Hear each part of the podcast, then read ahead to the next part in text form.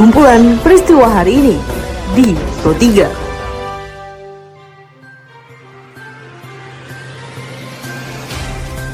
Halo pendengar, selamat berjumpa kembali di podcast Pro 3 RRI dengan kumpulan peristiwa yang terjadi pada hari ini. Seperti biasa, pendengar pada podcast ini saya akan mengulas isu-isu aktual yang masih hangat juga ramai diperbincangkan di sekitar kita. Tentu saja nanti akan saya hadirkan cuplikan informasi dari reporter kami. Saya Tika Nantia, inilah kumpulan peristiwa Pro 3 di ruang dengar Anda.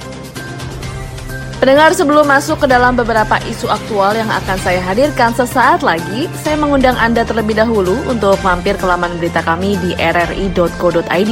Anda juga bisa tentunya follow dan berkomentar langsung di sosial media kami di Instagram, Twitter, juga Facebook dengan cara mengetik at RRI Programa 3 di kolom pencarian Anda.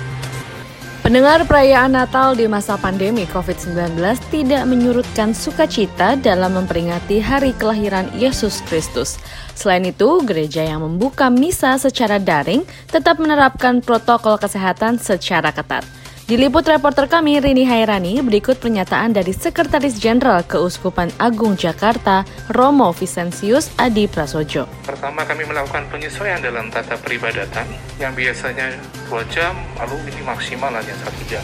Jumlah yang hadir juga tetap sama dengan mengikuti protokol kesehatan dan menganjurkan jemaat untuk tidak bepergian, tidak mudik, tetap di rumah, silaturahmi Natal antara keluarga, tetap di rumah kalau perlu online saja. Libur Natal 2020 ini pendengar terjadi lonjakan penumpang di Bandar Udara Internasional Juanda, Jawa Timur. Rupanya, kewajiban melampirkan hasil swab test atau rapid antigen ini tidak mengurangi animo masyarakat untuk tetap keluar kota. Diliput reporter kami Andri Santoso, berikut pernyataan dari Humas PT Angkasa Pura I Bandara Internasional Juanda, Yuristo Hardi Hanggoro. Jadi menjelang libur Natal tahun baru memang terjadi peningkatan jumlah e, penumpang. Selama empat hari posko Nataru kami buka sejak tanggal 18 hingga tanggal 21. Rata-rata per hari kami melayani 22.000 penumpang. Nah angka ini lebih tinggi dibanding dengan periode sebelumnya yang hanya melayani 18 sampai 19.000 orang. Jadi memang terlihat ada peningkatan jumlah penumpang. Di favoritnya ada di Jakarta, Bali, dan Lombok. Ketua Satuan Tugas Penanganan COVID-19 Doni Monardo mengatakan tingkat kepatuhan masyarakat dalam menjalankan protokol kesehatan terus menurun. Doni mencontohkan pertanggal 24 Desember tingkat kepatuhan memakai masker hanya 80,34 persen saja. Padahal pada bulan November mencapai 86,17 persen. Begitu pula dengan kepatuhan menjaga jarak ini juga terus menurun. Doni menegaskan hanya ada satu kunci untuk mengurangi penularan yaitu disiplin menjalankan protokol kesehatan. Hal itu disampaikan Doni dalam wawancara secara virtual yang disiarkan akun YouTube BPB.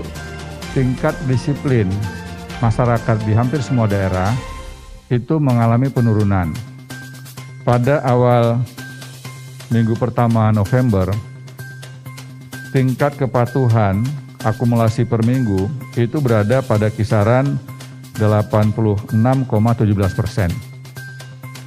Kemudian per minggu mengalami penurunan menjadi 84,93 persen, kemudian 84,26 persen, 81,24 persen, kemudian 81,6 persen, 06 persen, Ya, kemudian sempat meningkat pada tanggal 6 Desember yang lalu menjadi 81,65 persen, tapi turun lagi pada tanggal 24 hari ini menjadi 80,34 persen. Itu tingkat kepatuhan menggunakan masker.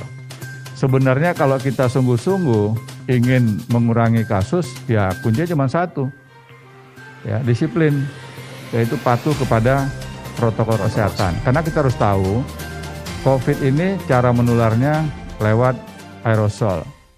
Artinya ketika orang tidak menggunakan masker, ketika orang tidak menjaga jarak, maka proses transmisinya akan sangat cepat.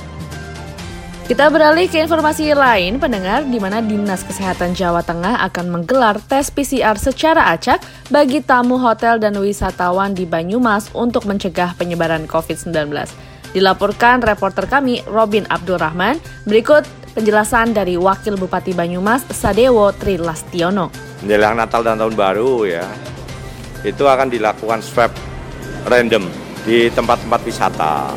Kemudian di hotel-hotel itu memang seluruh tamu, semua tamu, ini dari provinsi ya, berasal dari luar Jawa Tengah itu nanti akan diswab juga. Pendengar informasi tadi mengakhiri perjumpaan kita pada podcast edisi hari ini. Dengarkan terus podcast edisi hari ini dan juga hari lainnya di Spotify dengan hanya mengetik Pro 3 RRI di kolom pencarian Spotify Anda. Baiklah pendengar, tetaplah menjaga jarak, ikuti protokol kesehatan dengan baik, dan teruslah mengikuti berita terupdate di Pro 3 RRI. Saya Tika Nantia, beserta dengan tim editor podcast kami Karisma Rizky undur diri. Sampai jumpa. Kumpulan peristiwa hari ini di Pro 3.